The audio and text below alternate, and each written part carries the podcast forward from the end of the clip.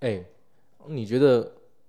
麦当劳吃完东西啊，那个餐点应该自己去收拾，还是留在那边给员工收拾啊？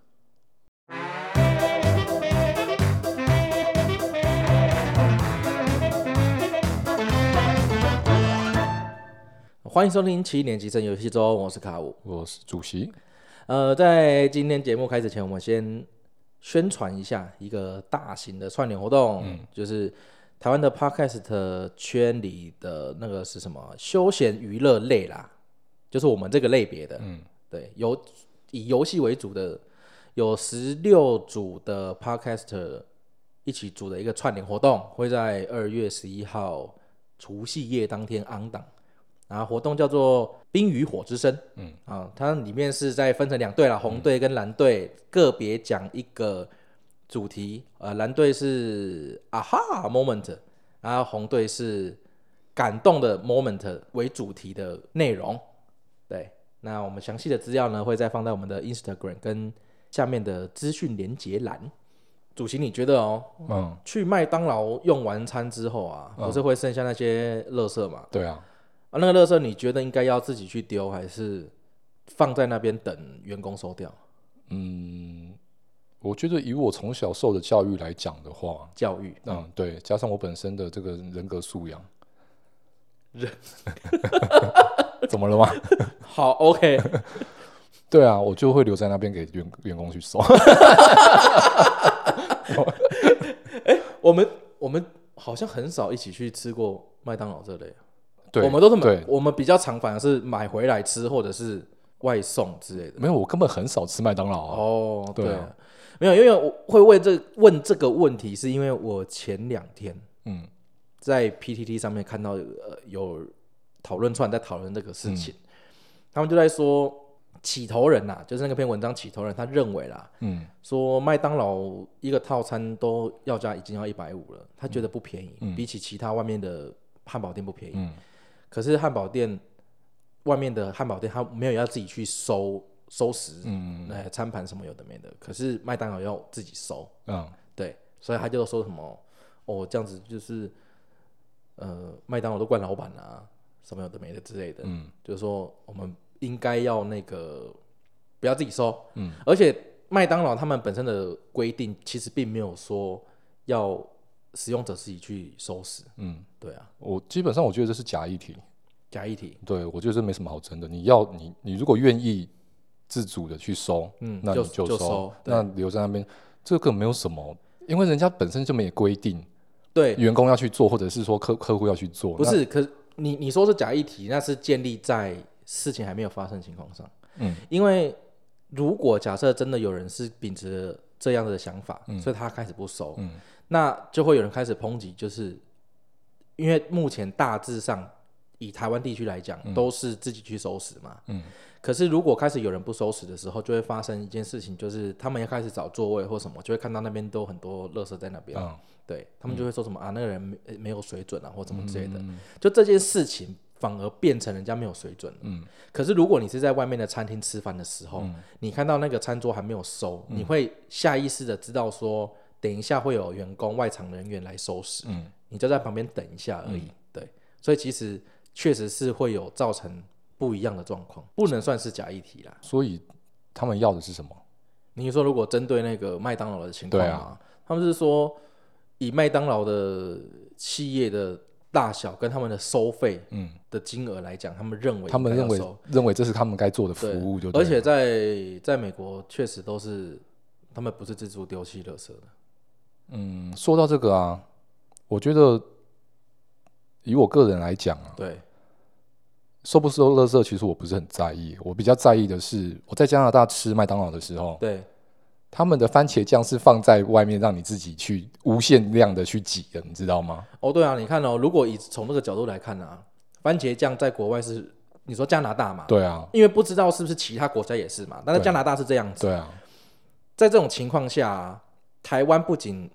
他只给你两包，对，只给两对包，然后还有那个什么糖醋酱啊，也怕你浪费或什么的。对啊当然，我觉得那个是浪费是是另外一件事情。可是，在同提供同样的服务的情况下，嗯，就是那些产品的情况下啊，外国会不需要自己收，可是台湾需要自己收。他们有提到说，早期麦当劳的那个有专门，应该是刚进入在台湾的时候吧，嗯好像有聘一批类似单亲妈妈或者是事业第二春的妈妈，嗯专门在收拾这些。嗯然后后来他们开始有意识的去提倡，嗯就说大家可以自己收，嗯对，然后打压了那些人的工作权利，嗯，然后同时也造就了就是员工都不需要去收拾，然后变成就是呃消费者自己收拾，其实等等于他们其实少了工作做要做，原本属于他们的工作，哦，他们算是成功的人事精简，成功的人是精简，对，还是所以他们其实把这些成本全部转嫁到消费者身上，但是餐点的价格上面并没有给予回馈，嗯，对啊，那如果假如说我是企业主的话，我就说你爱吃吃，不吃滚。对，没错，对啊因为他们是大很大的企业，对啊，对啊，所以应该也是有这种状况。然后我这件事情，其实我有问那个我有个同学，就是大学的时期都在麦当劳打工，就说呃，你不要丢没差，他说最好是不要丢。我就觉得说，哎、你们不是在那边工作过吗？他说，因为很多麦当劳就是因为知道。大部分的客人都会自己去收，嗯，所以就会变成他们的经理不会去要求可能有闲暇的员工去收拾餐桌，嗯然后就会变成其实用餐环境会很很乱，嗯因为有时候我们其实收完餐盘之后，还是会有一些脏小东西，小碎对屑那些啊对的，对对，在桌上，对啊，我们不会去整整理干净嘛，嗯对啊，就会变成说，其实后来的用餐者他们还是会觉得说啊，这个桌子是脏的，可是我记得以我的印象来讲，我还是会有固定去打扫拖地的。那个都是比如说很晚晚上了，或者是是吗他们嗯他们会安排就是离峰时段哦，去做一些清洁因为，我真的很很久，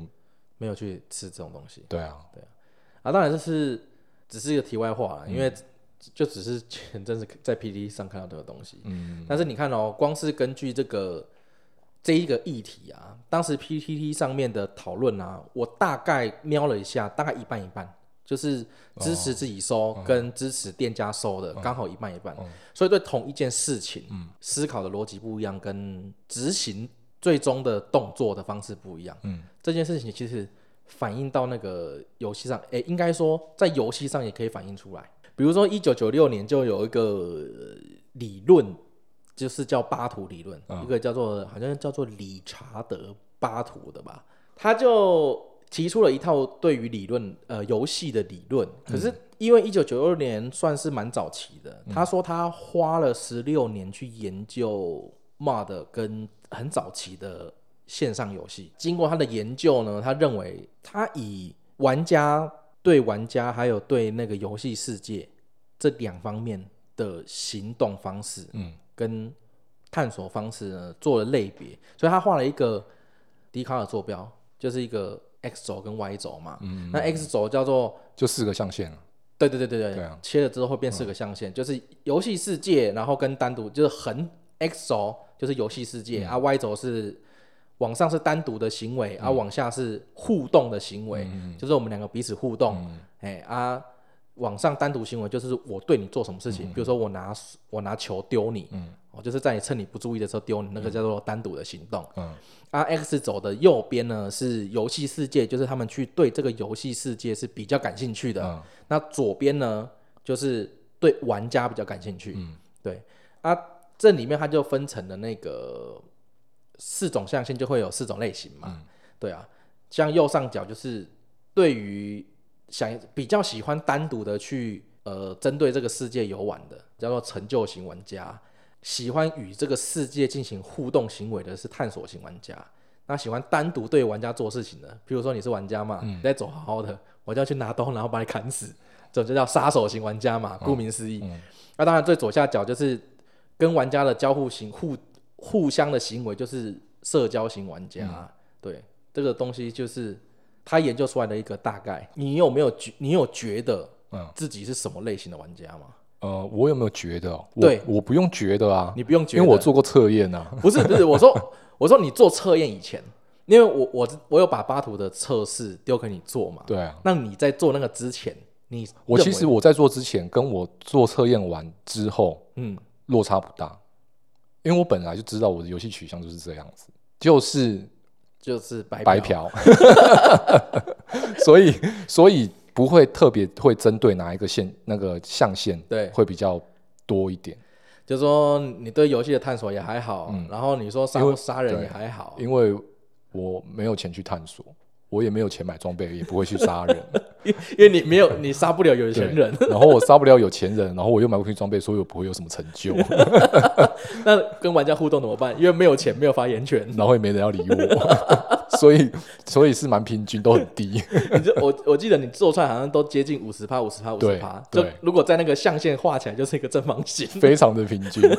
所以这个正方形是个嘛白嫖玩家的，呃，对，拍拍玩家的形状就是这样。就是一个 正方形，各占固定比例的正方形。啊，你做起来呢？我做起来是偏探索型，右下角偏很多，哦，就是呃探索型它，其实探探索型它的类别的描述里面，嗯它其实有两种状况，有一种它是属于比较感性，就是有时候那个游戏的描述，嗯或者是像现在游戏 M N O R P G 的画面是很漂亮嘛，然后场地越做越大，嗯那总是会有一些特别好看的地方，对或者是那种它可能没有任务，所以玩家不会去到那个区域。然后这种探索玩家，他们就会想尽办法要踏遍这个地图的每个角落，嗯，然后拍照片的时候，哎、这里超美，这里可以看到最高的山啊，怎么最最汪洋的海之类的。啊，另外还有一种探索型玩家，他是去理性的，他就去探索游戏的游戏系统。这个就是像是之前那个之朗在几分钟之内全破的那种感觉吧，嗯，因为他们必须要去，就像你讲的，去找到会去到很多没人去过的地点嘛，哦发现了一些没其他的没有发现的地方，或者是一些 bug，、对对对对，然后利用这些东西，然后来快速通关，对，可是其实，但是他们在做通关、快速通关这件事情，又其实变成成就嘛。他们是成就型玩家，就是说他们去探索的目的是为了成就。为了快速通关，对，没错，所以就会变成说，巴图理论它最早的时候的理论有一个严重缺陷，嗯，就是它的呃判断题目其实是二分法，嗯，有点太二元了，就是说、呃，它给你两个选项，你、你硬只能选其中一个，嗯可是实际上人类的行为不是完全互斥的嘛。对啊，就像刚刚说的，知壤呢，像之那六师傅嘛，那个 QTT Six，、他们去使用那些 bug，那些 bug 其实也是很多玩家发现的 bug。那这些 bug 呢，是探索而得来的，就是他们喜欢对世界探索，或者是对那个叫做什么游戏的机制，他想要探索到最刁钻嘛，就是说，像他们打怪的时候是不能受伤的，因为受伤会浪费时间。对，只要被砍到，他们就直接冲了。我就觉得，因为被砍到你在喷血还有退后的那一刻，就对浪费两两秒了。对对对对对，啊，所以他们必须对机制完全的熟人，而嗯且操控性嘛。所以就某些角度而言，如果你要他们去当杀手玩家，嗯，他们应该也很强，因为他们的操控技术哦，对非对常的对好。对，对啊，然后他们又开台，你看 QTT Six 就开台，嗯然后又在跟玩玩家互动。所以又是偏社交。对，所以他是怎样？他是全方位战士。哎，没有啊，所以就是比例的问题。呃假设我们真的以六师傅来讲好了，嗯你看他的台的话，你不一定会觉得说他跟观众的互动特别有趣，嗯，就代表说他可能，诶、这个他很专心的在在打电动，他会讲话，嗯他厉害就厉害在他可以同时讲话，然后又精准操作。哦可是问题是，他这种互动感就不会像其他的台，就是以互动为主的台，哦就觉得哦哦，你的这种效果特别好。嗯譬如说，我们看懒猫抽卡，嗯你觉得它效果特别好，哦，对了，对嘛？所以他他不是还有开那个什么玩家，就是哎、观众的赌盘嘛，那啊就是、对对对对对嗯哦以社交为主嘛，对啊啊，可是他是用什么方法来达到社交目成就嘛？嗯因为他 FGO 全破侠嘛，所以他的他的那个图形出来应该是这样呃，细这样子细长型细长型，就是一个对角，应该是哦，对啊，因为他的成就就那跟边是社顶交啊的，社对交啊是顶的啊，对啊嗯对啊，类似这样子啊，所以就会变成说巴图的理论它有缺陷，嗯可是我觉得它对于玩家去认识自己啊，嗯，有一点点帮助啦，因为玩家有时候不一定真的需要认识自己啦。可是如果有统计数据的话，对于游戏制造商是有帮助。比如说，他们如果这一款游戏就是以战斗为主，就是大家 PVP 战斗为主，那就适合杀手型玩家嘛。他们就是要互相杀来杀去啊。哎，不对啊，可是他既然今天要做一个 PVP 的那个游戏的话，对他就知道玩这些游戏的人就是这一群人啊，对，对啊，嗯所以他这个他这个调查其实对他们开发这款游戏没有什么实质上，而且确实是，其实人的性格是常态分布的。就说，如果我们真的大部分的玩家嗯都去做过这个巴图理论测试，最终会发现那个图形呢，比如说是四个象限嘛，嗯，大家都集中在中间，集中在中间。你是说像我一样吗？对，类似。因我为跟你讲我，因为我每每一个象限我都很贫乏，没有，呃，就像就是像就像那个样子，哎，观众看不到，哦但是 主席现在看到了。嗯，对，它这个就是一个标准的常态分配的图形哦啊，对啊，就会变成说极端的例子很少。 啊，对对对，对啊，只是你是偏右上、偏左下，嗯是还是偏什么位置，可是都会往中间集中啊。所以代表我们党员其实是非常多的、啊， 对不对？有可能大家是都在中间啊，所以这么讲好了，会愿意白嫖的玩家，是不是其实就是最中间的那一群人？呃，最中间的那一群人。对啊你，说最中间的中就是间是什么意思？就是中间分布分子那一种吗？中中中部的那个中间，对啊，啊，监是监利的监吗？不是监狱的监，不是监狱的监，不是不是不是那个监啊，就是中间的 监嘛。我们现在在拖时间，要拖到一个小时。反正我就在想说，就就算你是可能是维克啦，有可能只是对那个游戏的一点打赏，对，有的是这样打赏嘛，玩一玩啊，它并不会很大量的影响，就是你可能是站在哪一个角度去看的游戏啊嗯，啊，那个呃，如果是社交型玩家，他们就会很不很希望就是这个游戏里面的各种社交系统很完善，比如说什么你说工会组织啊，他希望那个工会组织是更多互动方式，哦，对对对对，和各式各样的更好找到联络人或什么啊，还有那个什么，之前有人在讨论说，像在游戏里面那种叫卖、挂卖系统属不属于社交的一环？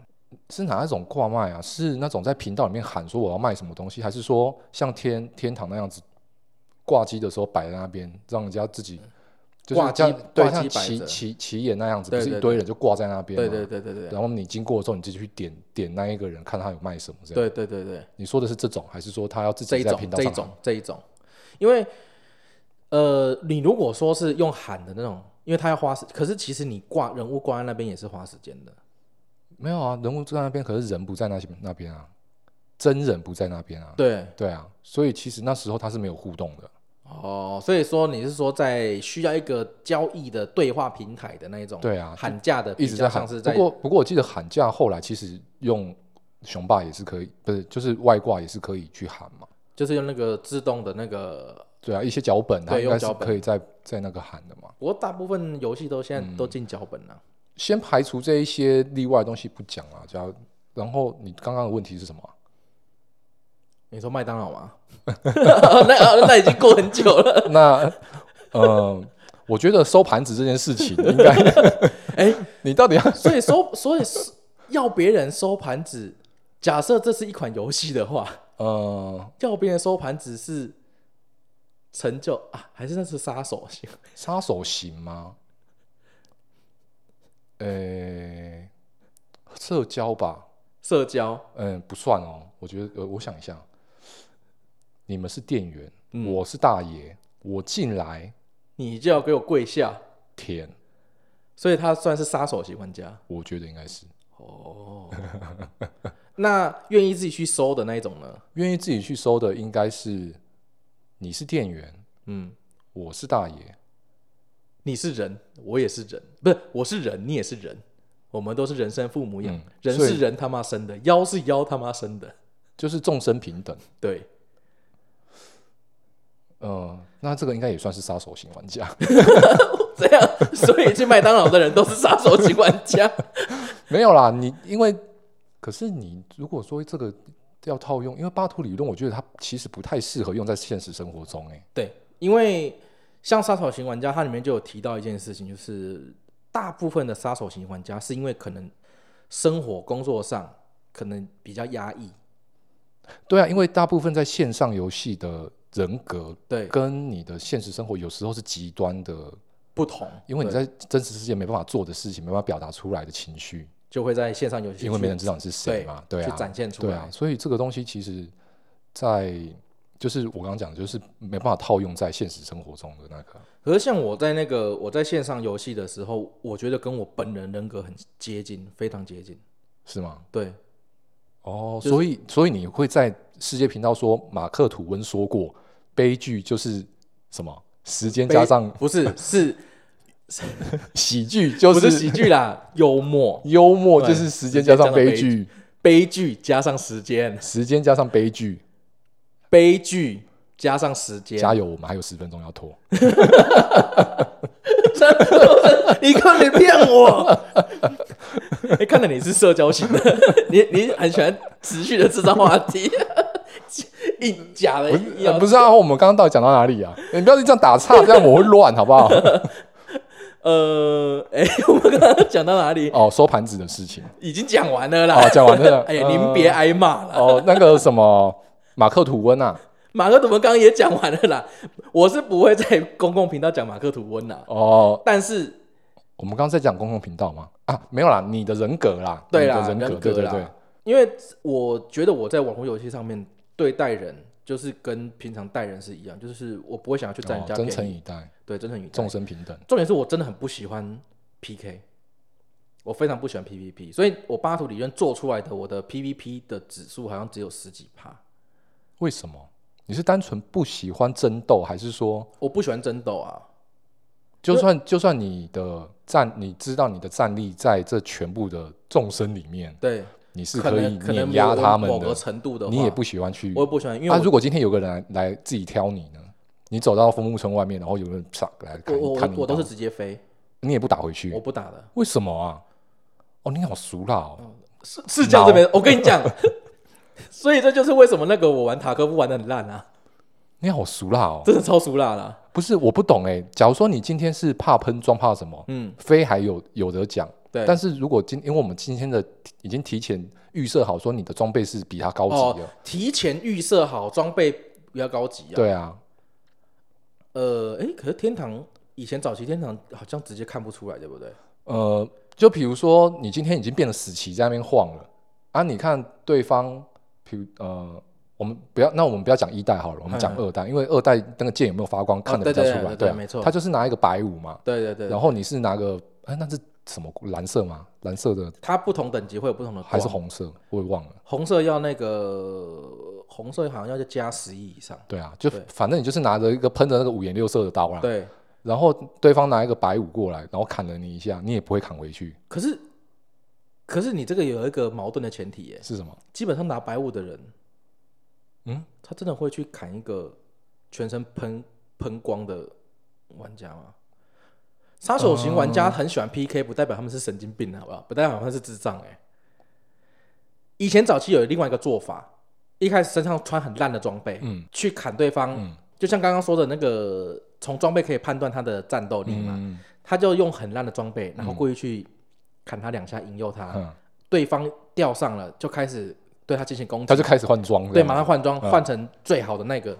装备啊，那个装备是很高很高等级的，我们先不要讲说这么多例外的事哎哎哎情，就很单纯的，就是我今天拿个白五我去砍你了对啊，你这样子，你手上拿一个喷着红色火焰的刀，你也不会砍回来，就对了。我如果那种情况下我会砍他没有错，就说哦如果我已经，所以比你如说他，是属于挑软柿子吃的那一种，可是软柿子是他们是主动去做的啊，就是没有啊，就是说你要看挑衅的人是谁嘛。对啊，啊一般来嗯说如果他们打我，我可能会砍他两下，然后就跟他说你不要闹我，嗯，对那如果他他又补你一刀呢，他如果继续补的话，如果我我很明显确定我们战力差距很大，我就会继续砍，嗯，对啊。所以五五坡的话你就飞，我反正只要他砍我，我觉得那个跳的那个、那一格，诶、这个，这个我可能水袋不够对对对对，我就会飞啊，哦，对啊，而且因为游游戏都会设定成城里面是进 P 进 PK 的地方，城外面是 PK 之处，你什么情况下会在城的外面？打怪啊，就是你有目的嘛，你对啊有可能解任务对的啊一些目的嘛。嗯那我觉得他妨碍到我啊，我不想要在这边跟他浪费时间呐、啊我想要去探索世界，我想要赶快去完成这个任务，因为我不完成这个任务，我就没有办法进去到下一个地区啊。所以是成就型玩家。因为我是探索型玩家，但是你刚刚的完成任务跟探索下个地区算是成就啊，不是，是我为了要探索那个地区，我必须得完成的任务，我必须啊，必须完成任务，这个是个完，这是个成就啊。不是啊，那是系统机制啊，因为我不完成任务，我过不去那个地方啊。好，如果我是成就型玩嗯家，我就会变成怎样呢？我就变成说，呃，我要是伺服器嗯最前面最早期几个嗯破，就是哎、那个他们叫什么开荒者，嗯就不是有时候大更新之后会有新的地图或什么的，哦哦他要当最早期的开荒者，哦，他就是今天我就第一个先去 PK 王之类的哎、就是类似这种东西。哦，对，那种还是才是社交型玩家。 因为他因为他可以那个嘛，他可以说，因为那个哎、那当时还没有，现在会有嘛，就是说跑马灯嘛对对，会有跑马灯嘛，嗯某某某对怎样对对怎样对怎对样怎样，然后再在哪里杀了 什么，可喜可贺之类的，对。所以 所以这就算社交圈 对啊，然后他，然后他就会说，哎、这边的怪，你们需要什么什么，带带起什么样的东西，对对对才对能才能过来推这样子。，对，啊因所以为这样没错啊。所以我才说嘛，巴图理论它的缺陷就是，其实它用简单的模型，嗯，没有办法真正描述复杂的玩家啦。那所以他之后应该有继续更新他的这个模型吧？它之后好像有稍微更新，变成加变成八种属性，可是我在找资料的过程中觉得没有那么完整的描述，而且其实还是无法去弥补它理论中两两相相互斥的问题。他会不会当初在划分这个时候的那一个就有点设定错误啊？嗯，其实我觉得划分，我就是可以理解，因为我觉得它的设定很合理，或者是说他不该用这样子的方式去去来去、嗯，不该用说这个迪卡尔 S 轴坐啊标对对哎对对 x 轴对 y 轴。呃，你这样讲有可能，它应该比如说不应该用象限的方式对去看，它应该对啊直接就是说，呃，你是就直接画那种，对，就是我们那种战力图，你哎偏什对么啊偏防偏武偏什么之对类的。对对不对，其实就是画一个图形啊，嗯对啊，所以后来的那个我跟你做那个八图理嗯论。的那个测测验是好事者去做嗯的，不是巴图他做的。啊，那那个东西它会标示你可能是几趴的玩家，应该是后来人改进的，对，就是为了避免说大家一直觉得说你如果是 A 类型就不能是 B 类型，不过我我突然想起来，你刚刚说什么什么白痴，看到人家装备很强，然后跑去补人家刀。我记得我之前啊，嗯，我忘记应该是天一没错了，哎哎但是我忘记是在哪个村子外面，然后 我就看到有一个人，他就是很辛苦的在那边砍怪，对，然后刚好我身上有变脏，我就我就在远远的地方，就是在那个荧幕画面能隔最远的地方，对，我就去点它，然后把它变成哥布林。哦，因为变没有变账是随机变的，对我也不知道它会变什么，对结果它就不不小心变成一个哥布林， 变很小一只，有啊，之前都有这种事情啊，对啊啊，然后后来后来他等他回复了之后，因为他没有看到我，哎然后我还是留在原地，对他后来回复之后他就走过来，哎，他说你刚刚有有看到什么人？在这附近什么什么之类的吗，嘿嘿嘿我说哦有有有有，他往那边走去 了，哦，你就骗他就对了。 对，其实其实就是我，啊其实你是，你只是我跟你讲，你又不是真的会去打对方嘛，我怎么是怎么打得过？对，没有？我的意思是说，其实你根本就是愉快犯啊了、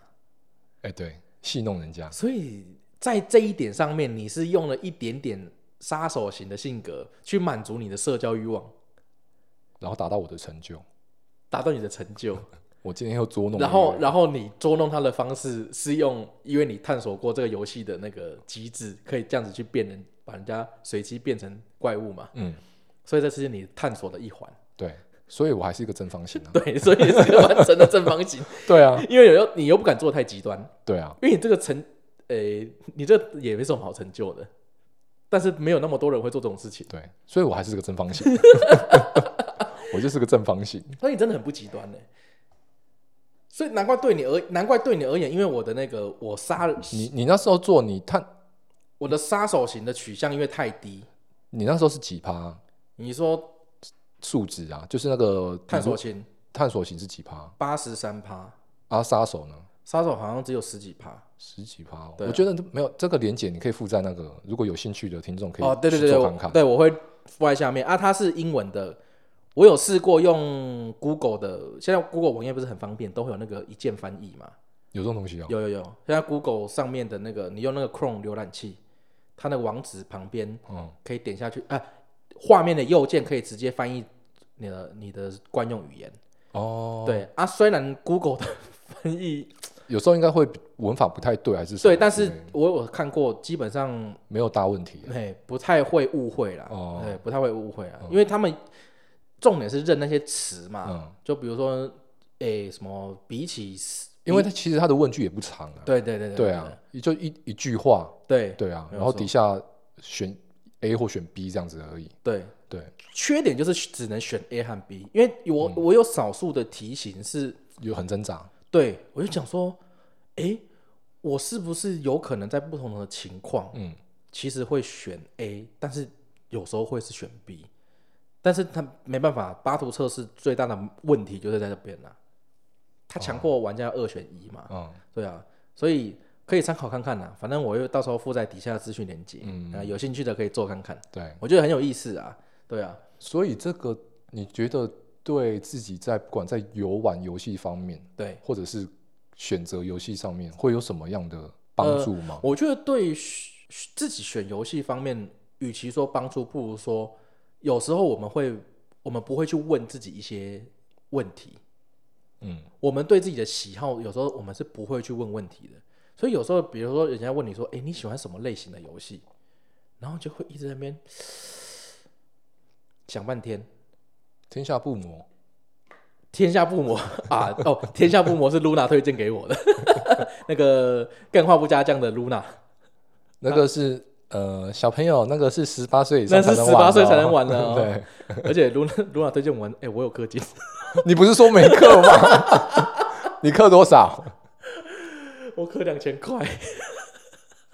啊？我上次来不是你不是说你打算抱着白嫖的心态来玩吗？因为我发是生了这这期间发生了什么事因为我情？是探索型玩家嘛，然后呢？我是有偏的嘛，我不然像后是呢我不像你是个正方形 嘛，不是啊、然后呢？是什么点让你磕下去？因为他待在你手机待超过四十八小时吗？对啊，啊，哎、你那个是他一单多少？哦，那游戏超贵，多少？它一单是一最大的一单是一万，最大一单一万，嗯所以你的两千是最最小的那个中间呐、中间哦哎、比较偏中间的，那个、而且啊，算了， 不要讲那款，不要讲那款游戏了。但没有啊你刻你刻的刻下去是为了什么东西刻啊？我想要更加的深入的探索里面的角色的身 体，探索型玩家 哦、探索型玩家哦， ，OK 啦 OK ，OK 好，啊，那个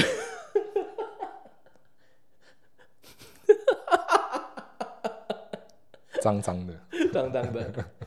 啊，你刚刚说什么？对自己自己的身体的探索，不是 自己伸手探索，那个是国中国小的事情了。我， 哎呦，整个 到时候人家说什么哦，你们这一集在那边笑都是在混时间。没有，哎、现在几分钟了？四十二，四十七啊，我们已经笑了十分钟。很好，再笑十分钟，OK。那个，其实我觉得对于自己去玩什么游戏，就是去鉴别说有什么游戏我可以试着玩，不一定有帮助啦。因为我有时候我们第一眼就会觉得说我想要玩这种游戏，或想要不想要玩那那种游戏。可是我就是我我我刚刚要讲的是，我们平常不会去问自己说，哎、为什么我会喜欢玩这一类的？哦，你是说在事后打开你的橱柜的时候，发觉你的那个里面收的游戏都是，诶，比如说《最后生还者二》《最后生还者二》《最后生还者二》《最后生还者 二》，那个可能是最近买了 要清库存的 PS 四 Pro，然后再搭清库存的《最后生还者二三篇》。就是说你怎么打开，诶，我怎么家里都是这种游戏这样对子？，嗯就是粪 game。诶，不，它不是粪 game，它它得很多奖诶。好吧，好了，题没有了，我们还是题外话言言言言归言正归传，正就是传可能就是这种类剧型情的游戏类啊，对然剧后情带类一点冒险这对样对对子，对对，对。有因为我们有时候就只会说啊，我就喜欢这款游戏，可但是不知道为什么我就喜欢这一种东西。，对，而且嗯有时候某些游戏它可能吸引你的点不一定它是剧情类，嗯，就说某时候我们喜欢的呃有在玩的不同游戏，嗯我们都说我很爱这个游戏，可是它其实很明显是不同类型的，但是他们有可能在玩的过程中有某种特质，嗯，是就是符合我们自己所谓的巴图理论里面，我们就是偏向那个区域，嗯，然后同时这些游戏都有一个大范围是涵盖，所以我们才会喜欢，嗯，所以有可能，反正就是帮助我们稍微认识自己啊。可是假如说你你的柜子里面都是这一类型的游戏，但是你做出来是一个杀手型玩家，因为应该会有这样的几率吧？可能会有，但但是因为因为我我我我们没有去收集资料，因为我也不知道我朋友做出来会是怎样。因为我现在知道只有我跟你，还有另外一个学长。嗯，对啊，那基本上我是比较特殊一点啊。你因们为俩你，是白嫖你型跟 玩家， 因为你跟你学长都是探索型玩家嘛，对，没错。，对，就是互相探索身身体干嘛的之 类的。没等一下，你刚刚讲的讲的好像我跟他互相探索身体一起的攻杀鬼了，不是、啊？而且我那个学长他也是属于那个那种，他会去很认真的研究整个游戏的结构，结构。嗯所以说，有时候在问他一些游戏中，譬如说，诶、像这种情况下应该用怎样去打，怎样去打，他就告诉你说用哪一种、哪些角色或什么的。可会是特你别们的探索有包括说，呃，比如说这个世界搭起来的世界观严不严谨、合不合理之类吗？还是单独只是说我在地图上跑动的这种探索？你说的那种探索，就是巴图说的那种感性式的探索，就是他是对这个美术、审美视观觉上对面的审美审美的对啊探索。所以它不包括说去探索它背后的，如果是我的话，我我会，嗯，就说我反而是我对那个游戏机制的探索不会像我学长那么的硬。哦，你们虽然都是在探索比探较索多类别，但对是你们又里面又岔开了，对，但是这些是巴图它之后现有的理嗯论嗯是不会直接、呃直接再做这样子的细分，嗯而是说我们先知道说我跟他都是探索型的玩嗯家，然后再哎回想一下说他对于探索的方式、嗯跟我探索的方式产生出差异，然后才会有更新的认识。嗯对啊，像那个成就型玩家啊，嗯我记得好像之前也是那个，因为网络上有很多的讨论，就是在讨论巴图理论的嘛。嗯，它里面好像就好像有提到说，对那个什么成就型玩家对游戏的依赖度是最高的，因为成就玩家他们为了要是 top 顶端，嗯，所以他们会投入了很多的资源，这资源不包括是金钱，不只包括金钱，时间时间，还有他们的那个那个叫什么，就是他们如何去。熟悉这个游戏的内对对容，对对对啊，嗯所以说，最顶尖的成就型玩家就会有点像是说，他必须在其他象限都是更愿意付出，嗯所以他才可以在那个游戏中达到顶尖嘛。嗯嗯，如果他们觉得这个游戏已经不符合他们的期盼，或是觉得那游戏已经有点算是走中吗？割韭菜，哦，可是只是割韭菜，我觉得对他们，如果真的是那种所谓的大客场玩家，嗯，我觉得好像没那么严重，而是在于说他们付出这么多之后，不能得到应有的是回报吗？还是什么？因为我记得之前有案，你你那个游戏不是你不是有案例？应该应该是说他们的出发点是，呃，对，因为因为最近就前两天呢、啊对前两天我们那个有个大佬对，轻舞飞扬，他的 ID 叫轻舞飞扬，哦，所以那个痞子菜，痞子菜在玩那个游戏， 哎、应该应该不是他啦，哎，你对啊看过痞子菜？我我我没有我没有，我第一次听到， 我第一次听到他是谁啊？他离开啊，那个那个大佬他是他因为那个大佬他氪了一百多万人民币，在那款游戏里面，对，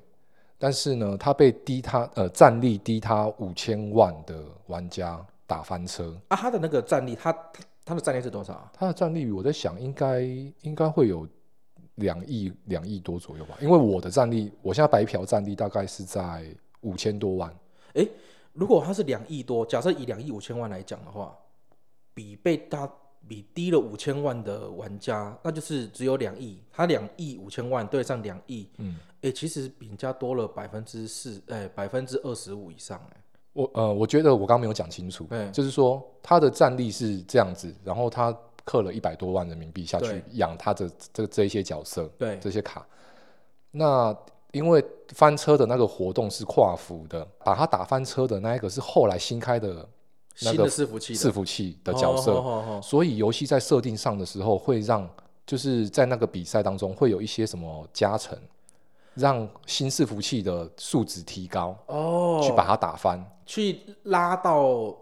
同一个水平那种感觉。，对，因为站在公司的立场，或者是说在新伺服器里面的人的立场来讲，他们会觉得说，凭什么我我，因为我就是后来才玩的啊，对啊，那感觉很那我愧去嘛配到了那些老区的人，那我那我要跟他们玩什么？所以他们可能基于这样，哦他们去做了这样子的设定。那对于老区的这种大佬来讲，他们就很不爽啊！我养哎、我花了这么多钱养了这个这些才有卡这个强度嘛。对，然后新区的人，然后跟我比赛，结果他们有这些加成，然后把我打翻车。哦，就没有得到应有的尊重。 对啊，然后后来最主要的原因是因为他在这个游戏的比赛之前，他就有跟客服反映过说这样的设定会有点问题。哼哼哼客服也就是没有给他很满意，或者是说觉得有想要处理这件事情就的感觉，觉无作为，官方对不对作为对啦对对，哦，就很敷衍那种感觉。可是其实对于官方而言，他们会坚持去办这个活动啊，最大的警讯应该就是单独的伺服器里面没有人了，没有活人。就是对啊，这个就是那个大佬他其实有讲啊，他也有跟客服讲说是不是要就是合服，因为哦，干脆把伺服器合并。合合并，因为他说这个每一每一区的人都很少了，这样子玩起来根本没意思。哦，所以我刚刚讲的是真的，确实是伺服器真的人变得很少。是不是人真的变很少啊？哦然后他还发了一发了一个那个离别信嘛，就是在在那哦个你说那个讨千论古飞区扬，对，哦在讨论区有发了一个离那个离别信，就是讲说这些这这件事情的起前因后果啦，前因后果是怎样，然后为什么他要离开之类的。所以他呃，因为那封那那那一篇内文啊，你是有跟我讲过，但是我没、我没有仔细看，所以他是着重在于说他投入的钱，他说钱不是最重要的原因，嘿嘿最重要的原因是公司回馈给他的处理问题的感觉，让他觉得他们这些人像是傻子一样，傻逼。哦，就是说。除了钱投入之外，他们因为对游戏的认真付出，就就对是像我刚刚讲的嘛，成就型的最高端的玩家，对啊他们一定是要付出其他在探，他们也要花时间去探索对，啊，然后探索这个整个游戏的结构，然后收集不同的人物嗯啊，或练练习啊。你这样讲真的、他那个感觉会很差，因为哇，也是也是中国大陆的游戏，嗯，应该是前两年了，《易水寒》，嗯，它那个《易水寒》的副标题叫做“会呼吸的江湖嗯，”，对，然后他们就是那一款游戏是连呼吸都要钱的一款游戏，重度氪金的游戏。嗯对对对对，啊，当时就有一个玩家，他们号称呐、就是全游戏全伺服器第一名的玩家，他的那个账号，嗯价值新台币五千万，新台币五千万，嗯，他好像总共那一个账号里面，呃，是这样子啦，氪金实际氪金的金额多少我未知，因为它的估值是用所有的装备，嗯，去换算成价值台，对价值的人民币换算的，哦那真的卖账号应该可能卖个五万块左右吧？我觉得应该不止啊，因为他那个装账号的装备，有些装备真的是天下独一无二。嗯，那他当时要离开的时候的原因呐、是应该是之前就会有一些迹象的，但是最主要的爆发点是他们有一个活动，嗯，那个活动是不是跨服的，我忘记了，我主要就是也是淘汰赛制的，他要必须要跟人组队一起去进行淘汰比赛，嗯，结果呢，在进行最后好像要决战还是什么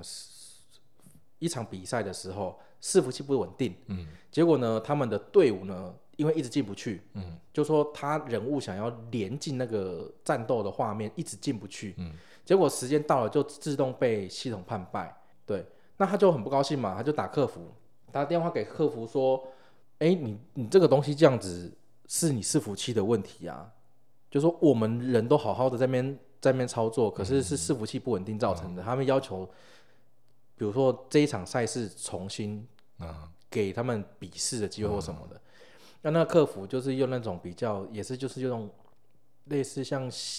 呃卖萌的那种，或者是比较你说那个叫做什么敷衍嘛，嗯，就敷衍的方式去敷衍他，么么哒，哎、么么哒，他就传了一个么么哒的那个图片呐、嗯，然后一气之下就直接在那个易水寒的最大的讨论区就跟他说，他这几月几号要正式删除他的账号，嗯，那他的做法很非常激烈，他那天上线之后呢，他一样开直播，嗯，他开直播就开始。他身上装备去商店可以用那个拆，一般分解嗯呃分解嘛，啊分解那就救不回来的嘛。他就分解的时候，他就可以细数这一把剑是之前花了几个月的时间，他跟谁谁谁某些伺服器同样认识的大佬们一起去合力打造的出来的武器，那些装备，当他真的如数家珍。那那一个直播，我后来有看录影。从他他的他的语气算是蛮平稳的，嗯，然后去讲述这些东西的历史，讲完之后他把它拆解。可是我真的听他这样讲，我完全可以感受到他对于这款游戏之前有多么的热爱，嗯，因为他必须对里面所有一点点的小细节的设定都了若指掌，而且是那那些武器不是他一个人可以达到的，是一群人愿意追随他，像他这种程度、这种高度的玩家，然后去打造出来这个角色的强度。他一个个拆掉之后，然后就到了一个游戏一个非常美丽的一个区域，然后在那个地方哦，有几乎一半的伺服器的玩家，活着的玩家全部来送行，就在后面，然后他在那边拍一张照片，就给大家拍照的时间。拍完之后，他又说从今以后再没有这个，他那个那个玩玩家叫什么啊？他叫什么 P P D D 哦，他就说再无此角色，从此江湖再无此人，然后就在登出这样那个人物画面，然后按删除人物。啊啊，这种感觉很像是那一种，因为它跟刚刚那一个轻舞飞扬一样嘛，他们他们算是成就型的。因为他们已经达到最高成就对了，啊没有错，那其实成就型就就像你刚刚讲，他们对游戏的粘着度其实是非常非常高，之高。对，然后当你让他失望，就很像女生彻底对一个渣男对感到失望，或者是一个渣男对绿茶感到失望之对后，对对我真的非常非常的爱你，你不渣管是什男么，渣男对绿茶感到失望，呃，那一个男的对绿茶，哎或者是一个女的对渣男，哎对呃，对如果是渣男跟绿茶，那就没什么可以对，讲那，就两个就说啊，OK，拜， 我们各玩各的，对，哎，这反而更合得来，就干脆就是平常就玩一玩就好了，嗯嗯，就想着就玩一玩了。这不是我不是要讲这些， 哦，哦不是这个要讲这个不要再，OK，不要再乱岔题，我们时间已经今天已经够了。 然后就是说，我在你踩到我的底线之前，我可以尽可能的去原谅你，对我为了可继能续保有这对份对关对系对啦，对对对。对对然后，但是你一旦越界了之后，对我我就是因为你刚说你看他的那个录像录像对，录的像时候，感啊，觉他非常的平静嘛，就是他的说讲话就是呃，他讲话的声音是平静，但是你听得出来他是试图平静，所以他是在压抑愤怒，还是压抑他的悲伤，还是什么他是在压抑极度的失望。极度的失望？对，极度的失望。啊，我们巴图理论差不多了啊，有兴趣的真的我们会放在底下的连接，嗯，啊去做做看看测验，对啊，呃，最后再推广一下啦，就是二月十一号，嗯，对我们很多 podcast 的哎几个啊，十16六吧十六组对对对十六组的一个串联活动，要各自讲各自的主题，嗯对，然后到时候好像会有玩家投票吧，啊。呃，主办人是更画不加酱的露嗯娜，他有他们有做那个呢网站，你知道吗？我不知道。为了这个活动做网站，你你不知道、嗯哦，因为都是我在跟他们接洽的，我到时候开给你看，我真的超用心。好，那欢欢迎大家到时候收听我们的节目，嗯，还有他们的节目都听一听，然大后家的去节目，哎大家的节目对，对对，好，那喜欢这一集的内容呢，或者是就算你不喜欢，你也要五星点赞加分享嗯不。管你端不端端盘子， 或者是你希望我们端盘子，你都要五星按赞加分享啊啊啊！记得要订阅我们。嗯对啊，我是卡五，截图传给我们，截图快卡卡，五就端盘子， 快我就拍一个端盘子的照片，然后放到 Instagram 嘛。还是卡五来探索你这样？呃，嗯呃，好吧好吧， 好了，我的感悟，我觉得我还是喉咙坏掉会比较好， 乱讲什么 的你让我讲几遍啊？我是卡五，啊？你知道啊，我知道啊， 到底是你知道，我知道， 不是啊？你知你我们知到底要怎么？我们我们刚刚在哪里收尾啊？我不是说不不是一般都是我是卡五嘛，哦然对啊后你说我是主席啊，嗯，对啊，好，你知道我是卡五嘛？我知道你是主席嘛，对我知道你知道我是卡五啊，你知道我知道你是主席， 你不是鱼，你怎么知道鱼不知道你是他？他是哇，算了啦，好了，我是主席。我们下次见啊，拜拜。